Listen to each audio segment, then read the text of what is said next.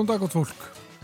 Það er samfélagið sem heilsar ykkur þennan ágæta þriðju dag. Það er komin 7. november og hér sitja Guðmundur Pálsson og Arnildur Haldunardóttir. Já, og ímislegt framöndan hjá okkur í dag. Meðal annars aðbúnaður afreiks íþróttafólks á Íslandi en hann er nú með því besta sem gerist á heimsvísu og ástæðan er ný rannsóknastofa í íþrótta og heilsufræðum sem var opnuð á dögunum. Við skoðum þessar rannsóknastofu, prófum sérhæft tæki og ræðum við Mílos Petrovits, forstuðumann rannsóknastofunar og Þórutísi Lilju Gísladóttur, dósend við Mentavísindasvið Háskóla Íslands. Við ætlum að tala um frægar stittur sem standa á eiginni Rapa Nui sem flestir þekkja sem páskaegu og ef hlustundur mun ekki svipin hvernig þessar stittur líta út getur verið ráð að fletta upp Rapa Nui í leitarvél á netinu og þá blasaðar við í allir sinni dýr þessar stittur. Við heimsækjum Svein Eggertsson, dósent í mannfræði á skrifstofu hans í Gimli í Háskóli Íslands. Hann hefur rannsækjað þessar stittur og heimsótt Rapa Nui. Svo fáum við pistil frá Páli Líndal umhverfis sálfræðingi í lok þáttar. En við byrjum á aðbúnaði afreiks íþróttafólks.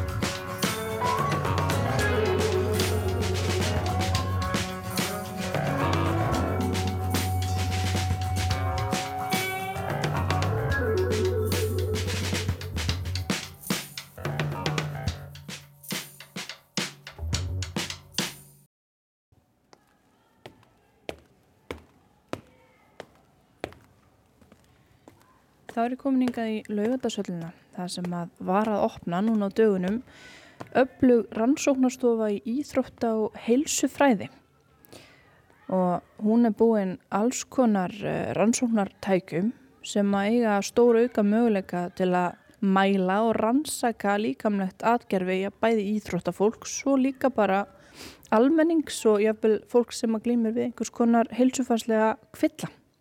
Og ég ætla að hitta hérna Mílos Petrovits, lektor við Mentavísindasvið, Háskóla Íslands og forstuðum að þessari rannsóknarstofu og svo hana Þórdísi Lilju Gísladóttur.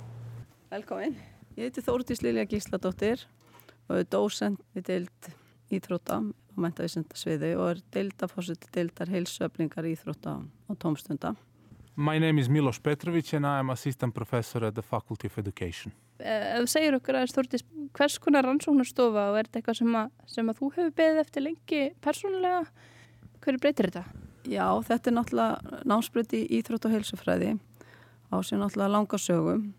Eh, við fluttum hér í bæin fyrir sjö árum en hún byggir á grunni Íþrótt og kennaraskóla Íslands og lögavatni og Íþrótt og kennaraskólin er náttúrulega búin að vera leiðandi afl í mentun og bara sögu þjóðurinn er Íþrótt að uppeldi landsins með flutningum hingað í Reykjavík þá margfaldaðist nefndafjöldin í Íþróttafræðinni og við búum, búum það vel að við höfum mjög marga nefndur sem vilja læra verða íþróttakennari, íþróttathjálfari eða vinna með, vinna í íþróttarhefingunni og okkar markmið var alltaf að reyna að búa til svona sterka rannsóknastofu en það það náttúrulega fjármagn og það tekur tíma og við erum búin að vera að sækja um styrki í til að geta kiftæki og sá draumi var að veruleika í fyrir að þau fengum myndalega styrk úr tækjarsjóði Háskóli Íslands og, og þá gáttu við sett að staða að bæta við tækjabúnaðin.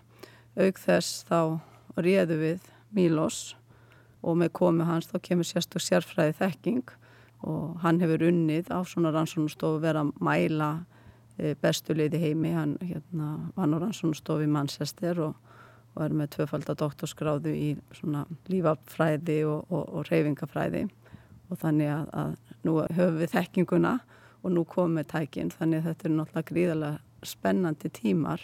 Milos, you, as Thordis was saying, you used to work with uh, Manchester City, you've been working with a lot of high profile athletes. So en hvað dregur mann sem hefur unnið með heimsfrægum íþróttamönnum og stórliðum á borðið Manchester City til Íslands? Mílos segist hafa komið yngað árið 2019 til að sinna rannsóknum að loknu doktorsprófi. Svo skall á heimsfaraldur og Ísland var að hans mati eitt skásti staðurinn til að vera á á meðan á þeim ósköpum stóð. Hann fór að kenna og var lektor við Háskóla Íslands í fyrra og hann er hæst ánaður með rannsónastofuna. Ísland standi nú jafnfætis stórþjóðum á borðið Breitland og Bandaríkin þegar kemur að því að veita afreiksýþróttamönnum bestu mögulu þjónustuna. Shall we maybe take a look at some of the equipment eða að skoða Já, eitthvað af því sem er hérna. Þá skulum við ganga inn í rannsóknstofuna og kíkja á. Já, við erum svo satt núna í kynningarsalnum þar sem var verið að kynna þessa rannsóknstofu og um eitt búið að ræða upp fjöldastóla þannig að það var ágætti smæting reynilega á, á kynninguna. Og hér kennum við einni íþróttafræði nefnunum, e, fræðilega tíma sem tengjast verkluðu tímanum eins og í sundi, handbólta, fókbólta, blaki, frjálsum íþróttum en síðan mun sem sagt rannsóknarstofan flytja og vera í báðum þessum rýmum núna bara á næstu mánuðum af því að við erum komið svo mikið á tækjum og nú þurfum við bara meira pláss. Já, þannig hérna eru við kannski í svona, hvað er þetta, margi fermyndurar, 30-40 fermyndurar herbyggi, hinsalurinn er miklu stærri en eru þið semst að fara að fylla hann af, af tækjum líka? Já, við, sagt, við verðum líklega hérna í tæpum 200 fermyndrum með rannsóknarstofuna af því að þú veist þessum tækjum fylgja allt alls konar auka búnaður og svo þurfum við líka pláss til að gera alls konar hopptest og, og stutlaupatest og þá þurfum við aðeins meira rými. En hérna inni sérðu hérna svona dýrustu og, og flottustu tækin og kannski að Mílos segir aðeins frá til dæmis eitthvað af þessum tækjum hvað þau geta gert. Mm -hmm. So we can just start with this one. Those are force plates uh, those are basically two big plates where Mílos sýnir mér plötur, svo kalladar plötur. Þetta eru þrjú sett, tvær plötur, einn fyrir kvot fót eða handlegg og allar tengdar með snúrum við stóran skjá. Með þessu tækjum á meta 300 mismunandi þætti. Það er hægt að standa á þessu og greina á hvorum fætinum mæðir meira, hvernig jafnvæðið er. Það er til dæmis hægt að hoppa og greina hversu hátt er hoppað, hvort krafturinn í fótleikunum er jafn eða mismikill, Það er hægt að mæla kraft, áallega hvenar fólk eru orðið þreytt og hversu mörg sett af arbegjum einhver ætti að gera og margt fleira. Uh, rather just, just the pure number, how high you jumped.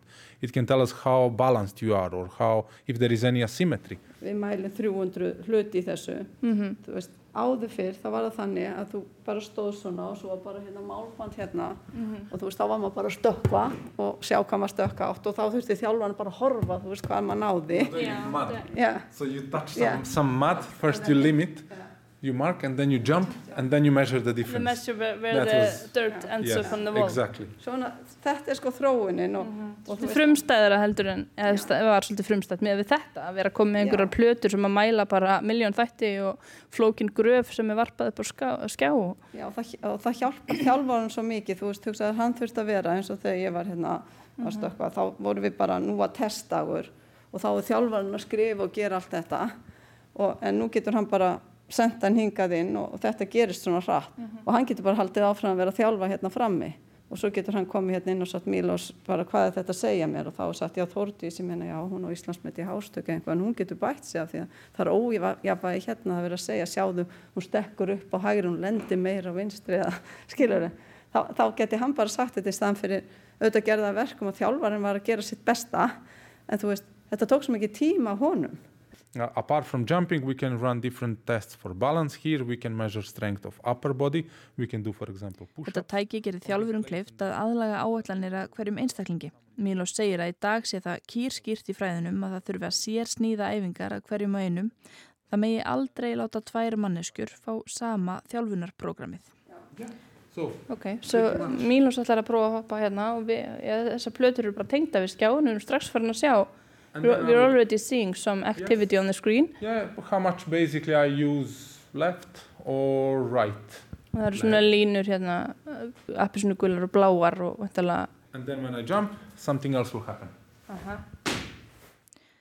Svo hoppar hann og þá hverfallar línutnar á skjánum og það byrtast ringir með niðurstöðum sem sína að Mílos stök 27,5 cm notaði vinstri fótinn örliti meira en lendi fastar á hægri fætunum. Þetta nýtist til dæmis við rannsóknir á eldra fólki og fólki með síkosíki. Hvernig það beiti sér þegar það stendur upp úr stól til dæmis, eitthvað sem fólk gerir ótalsinnum á dag og getur sagt mikið um getu þess og ástand. Uh, we can maybe talk about this. Bara, hér er bara, já ég skal, ég er alveg til að prófa þetta. Þá sest ég bara á stól, bara hér. Já, svo sest á stólinn og eina sem þú átt að gera er að þú ítir eins fast og þú getur. Já, þegar bit ég er svo further. styrta lappir, sko. Ég með þessu, Já. I will ask you to squeeze the strongest you can for three seconds and you will see result here on the screen. Three, ok. two, one, go. Squeeze, squeeze, squeeze, come on, come on, come on, come on, come on, come on, come on, come on, come on, and relax. Okay. Let's do the same but now outside. So Yeah. the same task. Þetta minnir svolítið á ræktartækið þar sem maður setur fæturna í stóðir og ítir hnjánum saman eða sundur. Let's go, let's go, let's go. More, more, more, more, more, more, more, more, more, more, more, more, more, and relax. Very good. How are the results? Þetta var erfitt. says that when you are pressing Og niðurstaðan, Mílos segir að ég sé innan markana fyrir venjulegt fólk.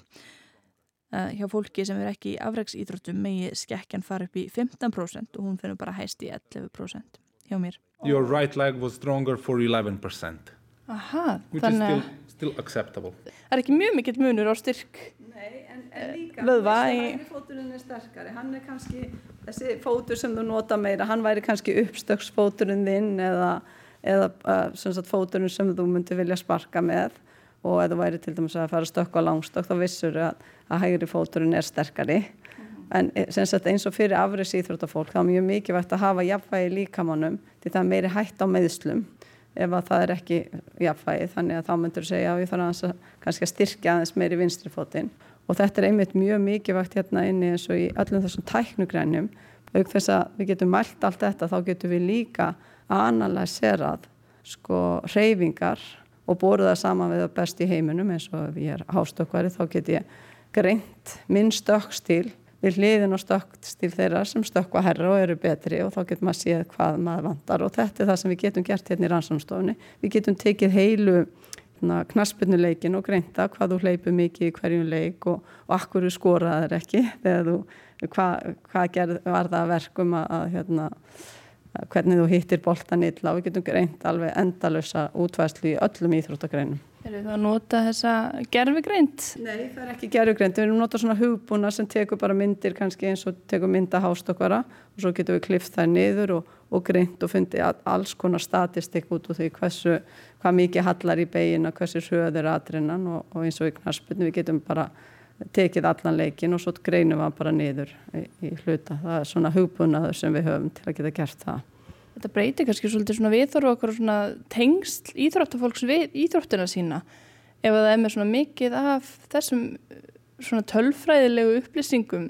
Já, algjörlega. Það sem að þess vegna er þetta svo stórt framfæraskref af því að sko þjálfun uh, það er engi vandi að sko æfa mikið en að æfa rétt eru vísindi og þetta hjálpar okkur til að æfa rétt. Þetta hjálpar okkur til þess að geta tekið til dæmis Við segjum sem svo að, að það sé verið að fá nýjan leikmenn í lið, það er hægt að fara hér í gegnum til að vita, hann fari nokkur svona ástandsskoðun, hvernig er hann, er hann tilbúin að, að spila og er hann tilbúin að æfa svona mikið? Og líka eins og eftir, eftir meðsli, sko hvenar er hann tilbúin að, að byrja að æfa aftur og hversu mikið, hérna, hversu mikið má leggja á hann.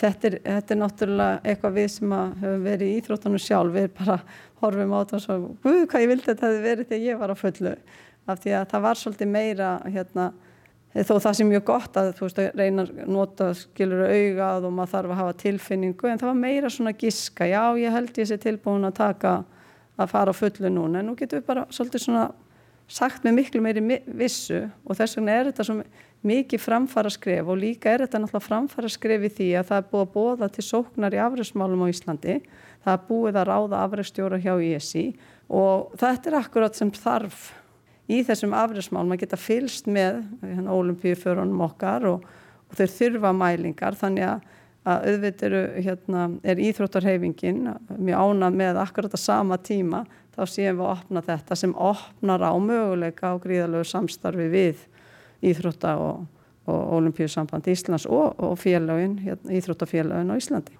Og það er nógu eftir að tækjum. Þetta er nú kannski, this one is, looks pretty straightforward. This is just a bike, yeah, it is bike just a, yeah, just a bike. training bike. Training bike, but a bike also where we can, where we can uh, adjust the load, so it can go a little. Mílo sínir mér fleiri tæki, það er þrek, hjól og hlaupabretti, þau eru tengt stórum skjá og grímu, veglegri grímu, þar sem hægt er að mæla súrefnisupptöku og þóli í stittri eða lengri tíma. Svo sínir hann mér stól með ólum, minnir helst á sæti í bíl Þennan má nota til að einangra ákveðna vöðva og meta styrk þeirra og svo er þetta að æfa í svon stól. Þannig að laga sig að getu hversu eins í rauntíma og þá mingar álægi, liftingarálægi þegar fólk þreytist og þá eru minni líkur og fólk ofger sér eða slasi sig við að lifta. Og svona tækja hverki annar staða til á Íslandi.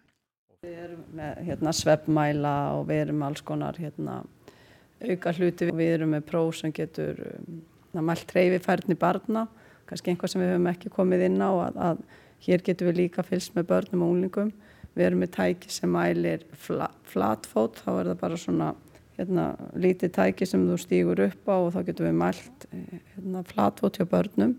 Og það er hægt að gera það svona eftir 5 ára aldur, 5-6 ára aldur og við erum að sjá það að það er einhvern veginn svona aukning eða það er hærri prósent af batna sem er með flatfót og við veitum ekki akkur það er hvort það á Íslandi? Já og við erum að, að fara á, eða erum byrjuð með rannsókn og því erum komið með 500 bönn í garnagrunn og erum að halda áfram að, að, að fylgjast með þeim. Því að það getur haft áhrif á, á líkamstöðu setna á, á hérna, lífsleiðinni og einni getur það hamlað eins og í, í íþrótt og þáttöku og þá þarf að vinna með þessa hluti og því er mjög, mjög mikilvægt að fylgjast með þeim þannig að fóruldra geta fengið niður stöðum það stöðu, stöðu, stöðu barna sína þetta er eitt af þessu tækjum við svona velta fyrir okkur hvort að sé vegna þess að börn treyfa sér minna hérna áður út af öllu þessum skjá þessum skjátíma, hvort að sé þess vegna og líka hvort að sé út af því að þau reyfa sér ekki á svona hérna undirlægi sem að, þú veist eins og hlaupi í mosa og nú er allt svona orðið slétt. Malbyggað bara. Malbyggað, já og leikvellir allir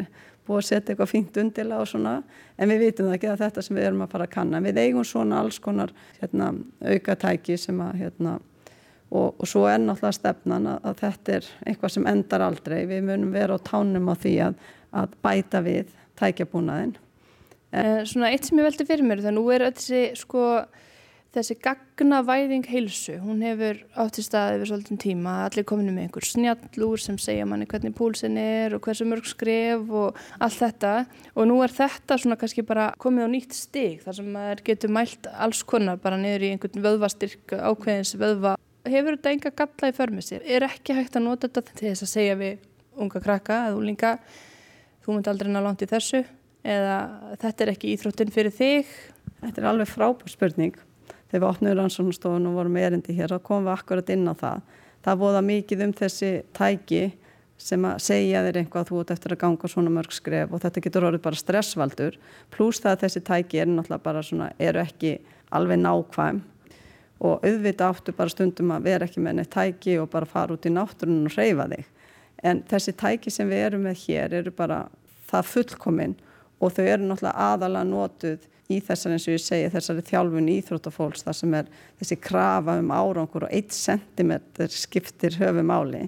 Við vorum einmitt að tala um það í hérna, kynningafyrirlestrunum hjá Mílos þegar við opniðum rannsónastofuna að það sem við viljum gera í sambandi við mælingar á börnum og úlingum það er að finna pláss fyrir alla unglinga í íþróttum. Þannig að við erum kannski með einhverja sem þrýfast ekki vel, finn ekki einhvað við sitt heifi. Þeir eru alltaf á bekknum í fókbólta og hér getur við sagt, já þess, þessi íþrótt hendaði kannski betur, viltu kannski bara pröfa sund? Það er náttúrulega hérna halli í fjölmjöla umræðu á íþróttum, við sjáum yfirleitt knaspun á hverjum degi, við sjáum ekkert mjög marga kasta kringlu eða stökk og hástökk, það er ekki sjónarspun á hverjum degi og það er bara fullt af krökkun sem vit ekki um margar íþróttur en hérna getur við hjálpaði með því að okkur finnst sko Íslandi lítið. Við fáum ekki sko mikið afræðsmennu nema við gefum öllum tæk, tækifæri. Og með svona mælingum og þá meina ég markvissum mælingum og þá svo mikið vægt að þú komst inn á það nú er allir með alls konar mælingar sjálfur það er eitt að gera mælinguna og annað að lesa úr henni. Og það er akkurat sko fólk og, og sérfræði þekkingin svo mikið og svo mikið átt að koma okkur stað þar sem þú getur fengið tólkunin á niðurstöðunum. En hérna, það eiga öll börn að geta þrifist í íþróttum. Það er allt í lægi að vera mismöndu stór eða þungur eða lítill eða stór. Það er íþrótt fyrir þig og það er kannski hérna sem við getum hjálpað. Og svo getur verið einhver ástæði fyrir þig að þér líður illa við að hlaupa eitthvað, það getur verið einhvað í stóðkerfinu eða bara eitthvað flatfættir gera það verkum að þú ert eitthvað og þess vegna er erfitt að hlaupa, það er erfitt að gera hlut og hér getur við sagt já, við þurfum að gera í hlutun í þessu og þá fer að verða léttara að gera hluti. Þetta snýst allt um fólkið og þekkinguna og svo koma tækin og hjálpa okkur. Og þið tellið þá í rauninni að það sé kostir við það að börnin geti þá fengið stuðningu að velja íþrótt sem að þau eru mögulega betri í þannig að þau eru ekki að vera beknum en er það þá áherslan alltaf að finna þann farveg fyrir, fyrir hvern einstakling þar sem að hann getur orðið allavega hvað næst því að verða afreiks íþróttamaður eða, eða þurfa allir að verða, geta allir orðið afreiks íþróttamenn? Nei, alls ekki og það er alls ekki það sem viljum. Það er bara örfá hérna, prósenta sem fer alla leið og hvað þá alla leið á toppin að keppa á olimpíuleikum eitthvað þannig. En hérna, þú getur tekið þátt á, á, landsleveli, þú getur líka tekið þátt á hans og þurfa að keppa. Það þurfa ekki allir að keppa. Það sem við leggjum áherslu á að það bara hreyfingin er góð fyrir alla og þú lærið það sem barn og unglingur þá meiri líkur á þú haldir þig áfram. Þetta er eiginlega sko, kakan er miklu mikilvægri heldur en skreitingin. Skreitingin eru afræðsmenninni sem við fáum út úr systeminu en að gera öllum hérna börnum sko kleift að geta tekið þátt. En það þarf alls ekki að stunda íþróttu þannig að við, við séum eina markmið okkar séu að búa til afræðsmenn síðan er svo því að heilsan skiptir alltaf meiri en það. En það eru meiri líkur á ef þú ert í grein það sem þú blómstar og fýlaði vel að þú viljir haldir áfram. Heldur nú að sérst í grein sem að henda þér ekki og þá finnst þér bara leðilegt og vel tætta en það getur verið að þú þurfi bara smá hjálp í því að segja kannski hvert ættur frekar að fara? Uh, I'll just ask you a similar question. We were talking about the Ég spyr Mílos líka. út í það hvort með öllum þessum mælingum sé hætt við því að íþróttamenn verði jafnvel smættaðir niður í tölur og ekki hort á heildar pakkan svo sem liðsanda og andlegan styrk. Sjálfur er hann frá Serbi og íþróttafólk þaðan hefur vækið heims aðtikli þrátt verið að þar hafi skort svona sérhæfð tæki og aðstöðu. Hann þakkar þetta þjálfurunum þeir séu mjög vel mentaðir þar og hér sé verið að reyna komast á sama stað og bæta mentun þjálfara. Hann segir mikilvægt að nýta svona búnað til að finna krakka sem að geti náðu langt og búnaðurinn sé reyfanlegur og því hægt að fara með hann um allt land á Ísafjörðið eða Ílstaði. En hvað um búnað til að finna fólk sem er þrautsegt eða útsjónasamt? Í þessari rannsóknustofu segir hann er yngungu hort til líkamleira þáttar en hann segir líka hægt að greina þessa sálfræðilegu þætti og það sé þá gert í samstarfi við kollega í háskóla. We have experts that can help in psychological screening of talent. En það er bara mikilvægt að, að íþróttarhefingin og almenningu bara viti að, að við erum til og, og, og Geta allir komið hérna og, og látið tjekka á flatfæti eða, eða eitthvað svo leiðis? Já, það er alveg mögulegt að hafa samband við okkur og við getum tekið mælingar. Við ætlum að sinna líðhelsun í landinu líka auðvitað er þetta alveg sérstaklega búnað til að fylgjast með afriðs íþróttafólki og íþróttafólki og er bara nöðsilegt í þeirra þjálfun ef þú ætlar að ná hérna, árangri á, á heimsmæli hverða. En þetta hefur verið einhvað sem algjörlega hefur vantað og þess vegna er ég að segja að hér sé bilding að þetta sé hérna, bilding í því að, að þetta sé svona eitt stórt skref fram á við. En enga síður er náttúrulega stór hlutu þjóðarinnar sem að tekur þátt í reyfingu og, og er bara hérna þó það sé bara, bara til að halda sér sjálfur þeir í formi þá eru bara margir það metnaða fullari þeim langar að bæta gólsveifluna skilji ekki okkur að hún gengur. Það getur við gert, við getum greint gólsveifluna hérna, við getum greint liðlegi og slum og, og svo framvegis. Við viljum náttúrulega bara bæta hils og líða þjóðanar og við getum gert það þá eru við bara opinn og opinn fyrir samstarfi. Sjúkraþjálfur hafa sínt mikið áhuga á samstarfi við okkur af því að auðvitað geta ekki sjúkraþjálfur að stofur allar eigna svona hérna, dýran og flottan búnað. Og Ísland er lítið og það þarf að vera samfinn og einni er við, við Íþrótt og Olimpíusambandið og það er í, í svona bíkjar, það er einhver samstarfi þá. Og að sjálfsögðu viljum við testa skólabörnun okkar unglingana og, og allan þann almenning sem vil bæta sig eða til þess að þeir verði bara heilbyrðar í framtíðinu og þá eru við að búa bara til heilbyrðara samfélag hérna í Íslandi. Heilbyrðara Ísland. So yeah, I think, think this is it for now. Já, þetta voru þau Þórdís Lilja Gísladóttir og Mílos Petrovits.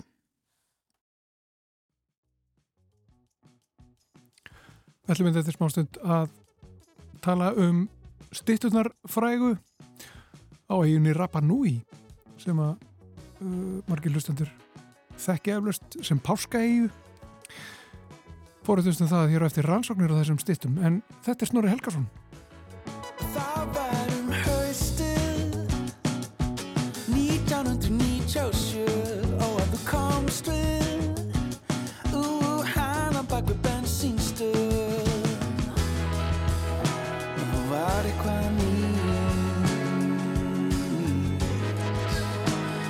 skrítið og hlýtt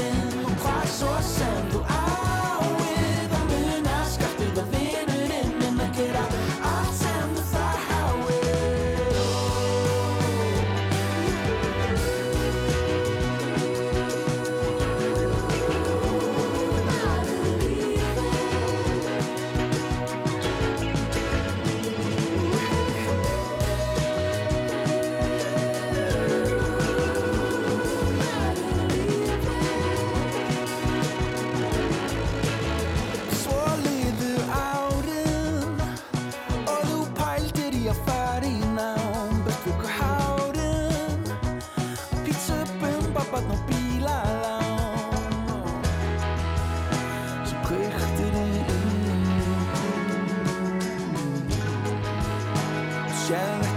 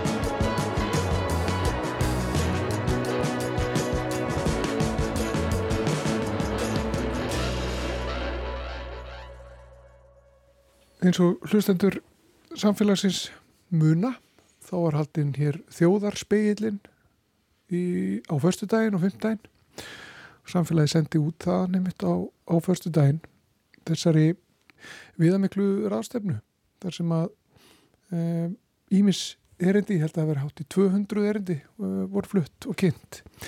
Eitt þeirra e, var erindi sem að, að fjallar um eiguna Rapa Nui sem við þekkjum betur sem Páskaeyju og hann er hérna hjá mér Sveitn Eggertsson sem að flutti erindi um stitturnar frægu á þessari eyju.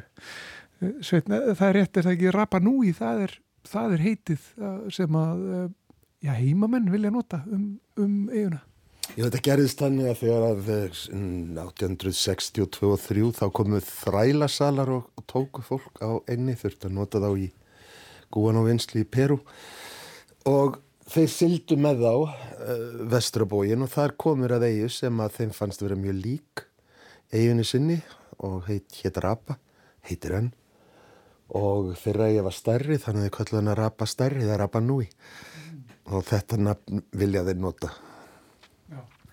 En við þekkjum stýttuðar uh, og, og þú varst að fjalla um þær.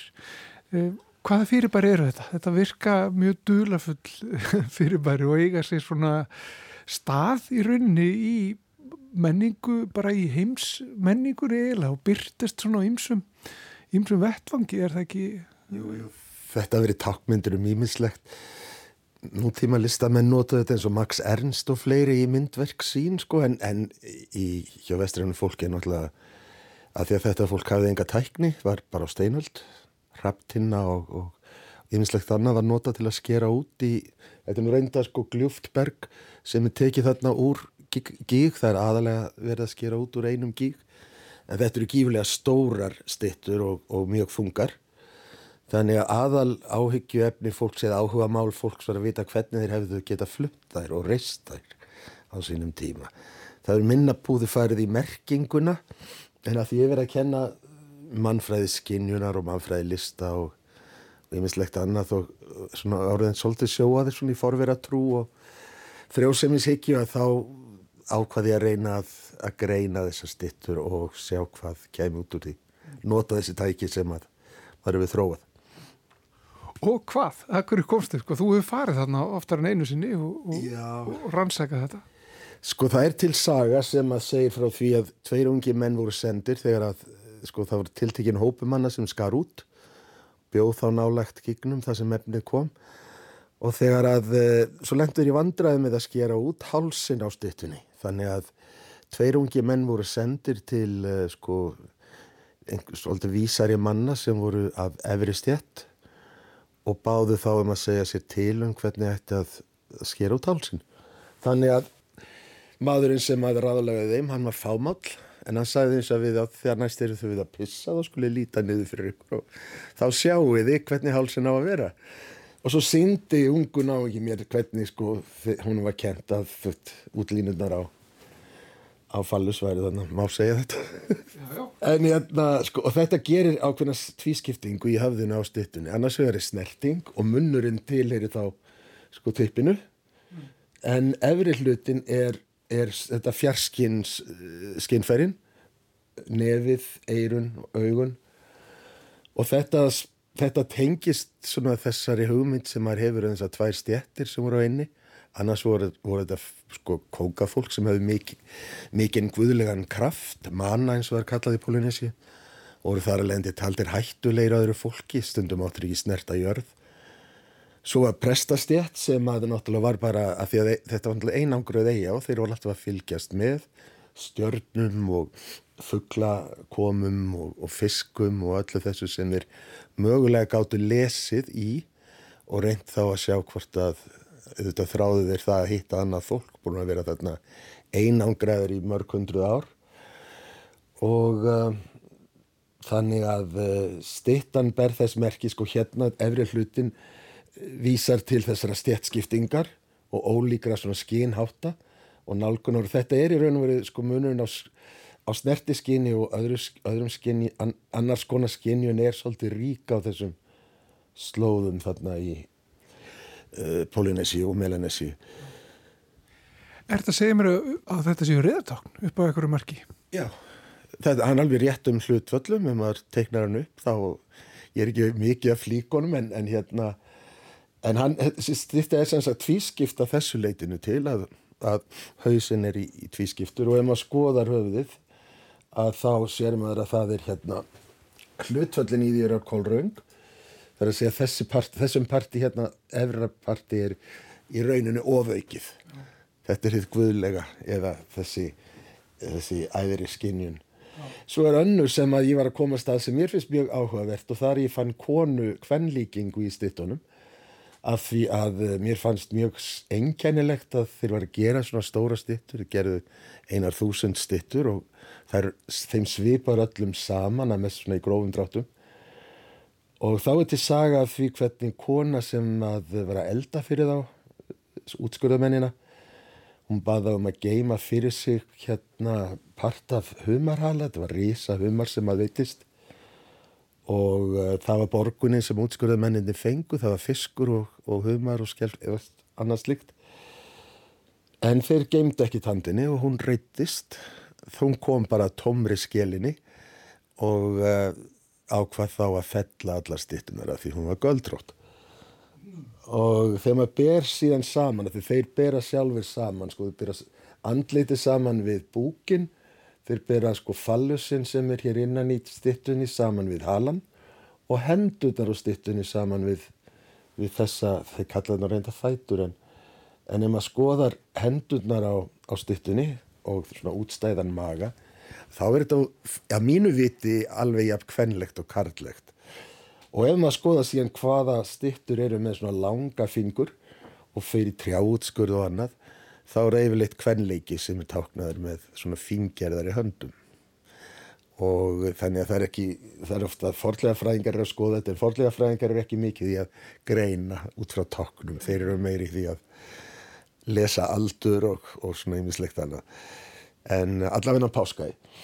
Þannig að eh, hún, konan virkar þarna eins og hulstur utan um fallu sinn og, og svo fæðir hún náttúrulega höfuðið eða hálsin af sem að síðan saminast efri stjettinni þannig að, að þetta gengur upp að mínu viti, ég held að þessi tæki svona að segja okkur allavega eitthvað. Sjálfsagt myndu heimamenn verða æfir ef ég sagði þetta en ég væri að skipta mér af en, en, en fyrir mér er þetta samfærandi En hvaða augum, hva- hvaða augum líta heimamenn þessar stittur?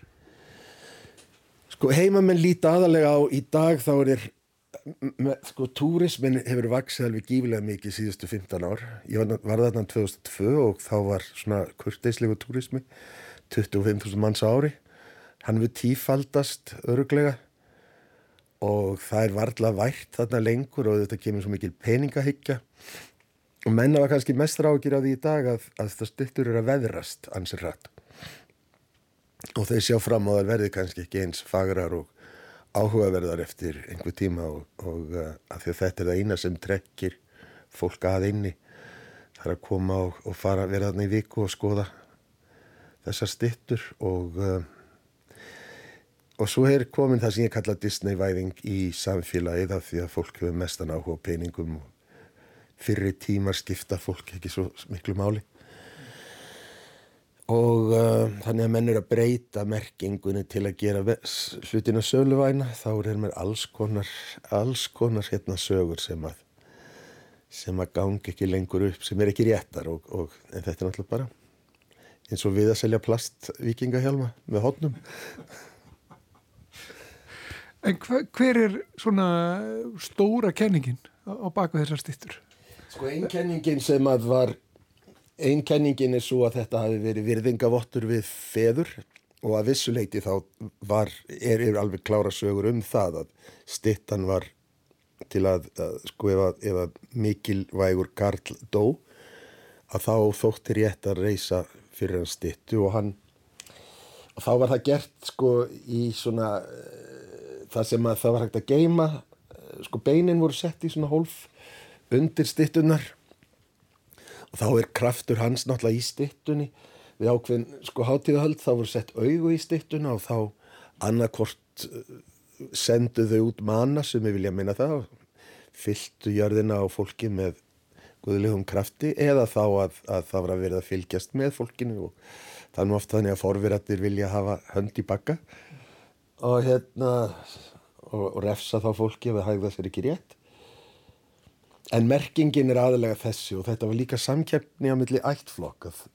Rapa Nui fólk er mikið fyrir að keppast og, og hérna þeir halda árlega leika þar sem er, er tapati heita þeir og þá, þá er fólk að keppa í alls konar íþróttum. Konur jæmt sem kallar og, og þannig að það er svolítið svona í þjóðasálinn þeirra að, að, að, að berast á að vera sko ekki minni en aðrir þannig að ein, ein skýringin er svo að þeir eru stöðt stækka þessi kallar. Þeir eru viljað fá þeir vilja hafa stærri og stærri stittur En svo er aðrið sem tala um þetta hafi verið svolítil örvætting og hafi þeirra verið það að stækka karlana tengist því að sko í pólinesískum trúabröðu þar oft talað um að rí, lífsrými fólks. Það hafi voruð til við það að forverar sem voru að mm, eðla sig að þeir hafi fært sig til til að gefa fólki pláss en fólkið er þar leiðandi alltaf rætt um að þeir, leggist saman aftur og lífsrýmið verður sem sagt ekki neitt og þessir sko háu kallar af að þá átt að vera eins konar súlur sem að heldu upp þessu, heldu upp þessu ímyndaða kvolfi. Þannig að það eru ímsar merkingar og, og þessi falliska sko merking hefur komið fram sérstaklega á forlegafræðingi Tilburg heitir hún en hún var yllilega skotin í kafa af einhverjum ungum manni sem fannst þetta algjörl út í hött eins og fólk verður oft voða skríti þegar það þegar maður talar um frjósum í Siggju þá var erfitt að tala um frjósum í Siggju og öðru sem að tala um kynfærin en fólki finnst það já, það er bara þannig. En uh, já, en þetta er það sem maður gerir til þess að prófa þessar græði sem maður við þróað. Við erum að vera að lesa um þetta í mörg ára þá fyrir maður að raða þessu einhvern veginn saman og svo bara spurningum hvort að þetta sannfæri fólk Og, og hefur þið tekist að samfæra fólk? Þú hérna þetta núna? Ég er að klára grein sem ég á eftir að senda út og ég er svona, ég er mjög spenntur að vita hvort ég fæ algjört nei eða hvort að menn verði gladir. Það fyrir alveg eftir í lesa. Þannig að þetta er sport. Er það því að þú hefur nú heimsótt uh, Rapa Nui, þú hefur komið þangað. Uh, getur þú sagt okkur bara aðeins frá hvernig staður þetta er? Rapa Nui er lítilega, hún er mjög sko afskekt, það, er tæpir 4000 kilometrar tilnar frá Chile og aðrir 4000 yfir til Tahiti, það er enda þarna lítilega Pitcairn sem nú þekkt af öðru heldur en stórum styttum. Að eh, sko fólk kom til leigarannur og ég fóri vola lítið að fullir að sko forðlega fræðingar hafa breytt sko landnámst árinu oft og, og tímabilinu sem voru að skera út þessa steinkalla sem var svona frá 1250 til 1500 litla ísöld kom og, og hérna þá var miklu erfið að sigla og afla matar þannig að það voru svona hremmingar sem kom í kjölfarinnar og uh, þannig að sagan er svolítið svona görótt hjá þeim en í dag þá skiptist eða svona þegar ég var þannig 2002 þá skiptist íbúafjöldin í tvent eða svona tveir pólar hans við Chile-anskur því að Chile menn hafa ráðið eiginni frá því sent á 19. öld og svo að pólinesíski hlutin uh, pólinesíska fólki er líkar okkur íslendingum það er svona meira það er ekki eins ekki svona stíft eins og Chile-búar geta verið, ekki eins katholst og hérna þannig ég samsamaði mig ágætlega við, við með fólkinu og og það var mjög áhugavert að skoða. Þá voru menn mjög áhuga saman um útskurðin menningar, arfleiðina og bára mikla virðingu fyrir þessu. En þegar ég komin aftur 2018 og þá hafði þetta alveg snúist við. Þá var eins og menn hefði bara gefist upp á því að, að túrismin náttúrulega getur upp svona hluti, fólk tímir ekki að kaupa almenlega hluti. Það nennir ekki að kynna sér sko menninguna eða fossöguna, það kemur þetta bara til þess að dykka í boks og fara sem að gera það verkum að þeir eiginlega þeir, þeir rýra menninguna og, og, og skilja hann eftir sem sko svipjá sjón þegar þeir þeir eru búin að fara yfir af því að fólk þarf náttúrulega að lifa. Og ef það skiptir ekki máli hvort þú skerði eitthvað út svona bara hraðvirknislega og getur selta fyrir sama peningu eitthvað sem þú gerir vel að, að gera með það. Það er því miður. Þannig að túrismin er þarna og ég stundum látum mig dett í huga kannski eftir að taka fólki í námskeið áður en að færa að fara á svona staði af því að við erum hérna að passa landið menn keir ekki utan vegar og svo framvegis þetta er alveg hliðstætt Er stýttunar og Rapa Nui þær standa en þá og þær eru margar? það, það voru flestar feldar á tíambili Já. en það er búið að endurreisa sumar og Japanir til dæmis að það verið mjög dugleira að hjálpa og það eru sumar sem standa já, Og fá vonandi að gera það áfram. Vonandi, vonandi já. Sveitn Eggersson, eh, gaman að- heimsækja þig hérna í Gimli eh, byggingu háskólans og takk fyrir að segja okkur eh, frá þessum frægu stittum og áhugaverðum kenningum þínum um þær stittunum á, á Rapa Nui. Ég vona að ég hef sannfært einhvern.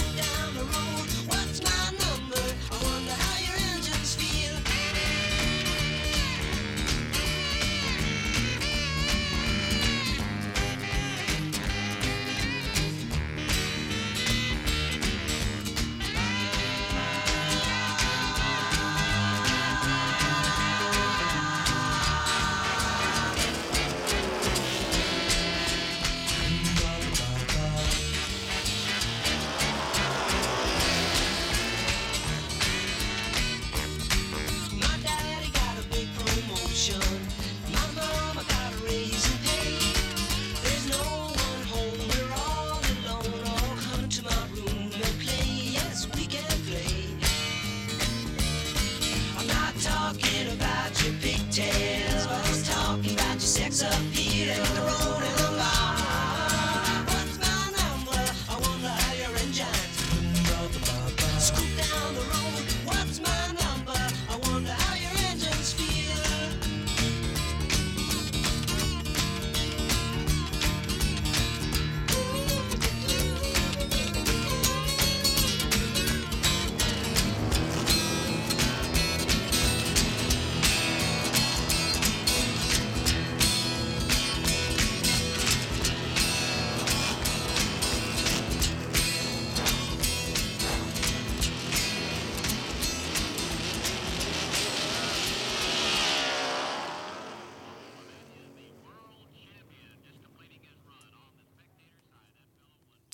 Þetta voru Sæmur Garfunkel. Baby Driver heitir lagið. En næst ætlum við að leipa Páli Líndal umhverfis sálfræðingi að með sinn pistil. Það er alltaf áhugavert til þess að vita að annar af atkvæðamestu mönnum á sviði skipularsmála í byrjun 20. aldar var læknirinn Guðmundur Hannesson. Guðmundur var skipaður hérarslæknir í Reykjavík árið 1907 og var hann mikill áhugamaður um samspil heilsu og umhverfis hvernig skipulag og arkitektúr gæti sem best stuðlaða góðri heilsu og heilbriði. Í ritinu um skipulag bæja sem kom út árið 1916 dró Guðmundur saman þekkingu sína og skoðanir á skipulagsmálum. Hvernig skipuleggja á móta eftir umhverfið í þáu heilbriðis, auk þess sem hann fléttaði umræðuna saman við íslenskar aðstæður. Voru þessi skrif Guðmundar grunnurinn að fyrstu löggef á sviði skipulagsmála hérlendis sem tók gildi árið 1921. Þremur árum síðar, eða árið 1924, var svo sett á lakirnar nefnd sem hafið þann starfa að draga upp fyrsta skipulasuppdrátt fyrir Reykjavík, sem var svo samþyktur árið 1927. Guðmundur tók virkan þátt í þeirri skipulasvinnu og var honum meðal annars fengið það hlutverk að draga upp skipulag af þingkoltonum, þeim hluta sem markast af ringbraut í söðri, skólavörðuhæði í norðri, njarðagöti í vestri og barónstíði í austri. Í skipularsvinnunni lagði Guðmundur áherslu á að skipan húsa á lóðum væri með þeim hætti að stærsti hluti óbyðrar lóðar lægi sólarmegin hús.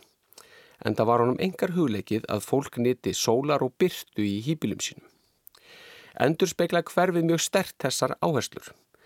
Þar sem öðrum megin gatna standa hús alveg út við gangstjett og gardarnir þá aftan við, en hinum megin standa húsin hátt upp í lóðunum og gardarnir breyða úr sér fram að við allt niður að gangstjettinni.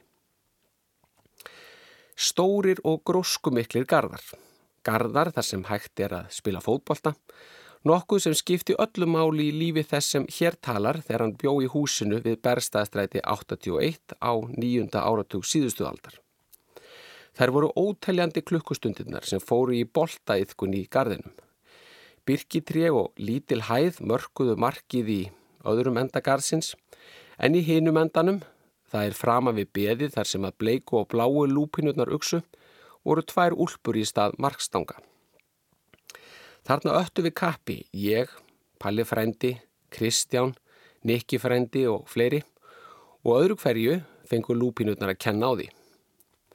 Þarna fóru einnig fram knattekni æfingar undir leiðsögn hollenska þjálfarans Víl Körver en bóka á samt myndbansspólu með hugmyndafræði hans var gefin út árið 1985 undir heitinu Knaspinnuskóli KSI. Þar sem æfingar stóðu yfir allan ársinsring var grasflötin í gardinum gjarnan eittu drullusvað, föður mínum til mikillar armæðu. En það er vermætt fyrir börn að hafa góðan gard við heimili sitt og þá ekki bara til að spila fótbolta. Gardur gefur tækifæri og rými til allskins yðju og leikja. Gardurinn er frábær staður fyrir börn að kynast náttúrunni, sjá, hlusta og snerta, finna fyrir og upplifa framvendu hennar og mynda hana. Aðgengi að góðum gardi hefur einni mjög heilsubætandi áhrif á börn og stuðla þannig að auknu heilbriði þeirra. Í heimi þar sem að þjettbíli þjettist hratt, gleymast oft gardar og græn sveiði. Umhverfið verður gerðnan grára, kaldara og hardara, það verður tilbreytingalöysar og vélræðna. Umhverfið er oft ekki ætla börnum, atverli þeirra og hugmyndum, tilraunum og rannsóknum. Því er ekki ætlað að vekja upp áhuga eða eftirvæntingu. Hið óvænta er tekið út og hið fyrir séða sett inn. Sköpunagáan er kæfð. Þegar við fjölskyldan byggum í Svíþjóð fyrir nokkrum árum tók ég að líta nokkuð til hönnunar leiksvæða en það tveir gríslingar ávalt með í för. Það sem vakti hvað mesta eftirtekt hjá mér var að nánast allstar voru sömu leiktækin, sama undirlægið og sama hönnunin. Einhvern veginn var búið að ramma leikin inn á þessum leiksvæðum. Það var ekkert eftir sem vakti forvitni, það var engin dulúð. Þar voru vottuð vegasöld og rólur. Það var ekki eins og hægt að renna sér hratt niður rennibrautina. Littlir mangjarðir, rennisléttir hólar, þaktir mjúku yfirborsefni voru á svæðunum. Á sumrum mátti hlaupa upp á þessa hóla en það gaf svo sem ekki neitt. Og á vetrum var þetta renna sér niður að þeim og þá dugdu tvær salibunur. Því hólinn var svo lágur og halli brekkunar svo lítill að salibunan var ekkert skemmtileg. Þetta var ólíkt brekkunni við kvennadeild landsbítalans við Ringbrut sem kvarf yllu heilli þegar að barnaspítali Ringsins var byggður fyrir um 20 árum. Í þeirri brekku var heldur betur hægt að renna sér. En á svæðinu þar sem barnaspítani stendur nú var líka hægt að fara í feluleiki, njósnaleiki, bissuleiki, eldingaleik, klifra í trjám og svo auðvitað spila fótbolta ef að gardurinn heima dugð ekki, bara svo eitthvað sé nefnt. Og ef lengra þurft að halda var einfallega hægt að fara neyri í Vassmýri. Neðan við ringbrautina næri Miklatorgi var stór brekka, en þarna voru þúfur og hátt gras, tré, hinn stóri tangarður hús Læknadeildar Háskóla Íslands, gróðrastöðin Alaska og gott ef ekki bílasala Guðfinns. Þarna var malarvegur og drullupollar. Svo var BSI, flugvöllurinn auðvita, tjörnin og svo bara víðátt á náttúra að vísu manngerða miklu leiti. Rannsóknir hafa sínt að börn út í tags verja minni tíma utandýra en fyrir kynnslóðir sem er verulegt umhugsunarefni í ljósi þess að dvöl barna í náttúrunni er tengd við aukna umhverjusvæna hegðun og vitund síðar á lífsleðinni, Auk þess sem niðurstöður langtíma rannsókna og rannsókna milli ólíkra menningaheima hafa sínt að bætt líðan og betri félagsli færni tengist nálæg barna við náttúruna, dvöl þeirra í náttúrunni og tengslum þeirra við hana. Náttúran virðist börnum því nöðsynleg en við virðumst vera færana frá börnunum og þar með sköpum við aukna hættu á rófi millir náttúrunar og kynsluða framtíðarinnar. Þessi pistill hófst á þeim orðum að það sé alltaf áhugavert til þess að vita að Guðmundur Hannesson Læknir hafi verið annar að atkvæða mestu mönnum á sviði skipularsmála í byrjun 20. aldar. Hinn var auðvitað arkitektin Guðjón Samuelsson. Það sem er í mínum huga svo áhugavert er að fyrir einni öld benti Guðmundur áhið augljósa. Manneskjan getur ekki þrýfist í umhverfi sem ekki tekur tillit til þess hvernig hún er samansett. Hún þrýfst ekki umhverfi sem tekur ekki tillit til eðli hennar og aðtæfna. Guðmundur byggði orð sín á fyrirlikjandi þekkingu, rannsóknum og eigin aðtugunum og á hann var hlustað. Já, góðir hlustendur, þetta þóttu svo sjálfsög sanniti að áherslu Guðmundar urðu hortsteitt fyrstu skipulaslögjafar á Íslandi. Fyrsta skipulaslögjafin var því undir miklum áhrifum frá heilbriðiskeranum. Þar sem manneskjan var hafði í öndvegi, þar sem samspil hennar við umhverfið var haft í öndvegi, þar sem heilbriði og heilsa, velferð og velíðan var haft að leiðarljósi. Það var hlustað á læknin Guðmund Hannesson. Alla daga veldi ég því fyrir mér hvernig megi koma hlutónum í þennan farveg. Hvernig megi gera fólk, manneskjur, okkur, ykkur, mig og þig hlustandi góður að útgangspunktinum í skipulasmálum. Takk í dag. Takk í dag, segði Páll Líndal, umhverfis sálfræðingur eftir hans reglulega pistil. Já, hann er alltaf hjá okkur annarkvæmt þriðudag. Já, en lengra komist við ekki með samfélagið í dag. Ekki í dag, við kveðjum hérðan úr efstaleitinu og heyrumst aftur á morgun. Guðmundur Bársson Arnildur Haldur Hættóttir, þakka fyrir sig. Takk í dag.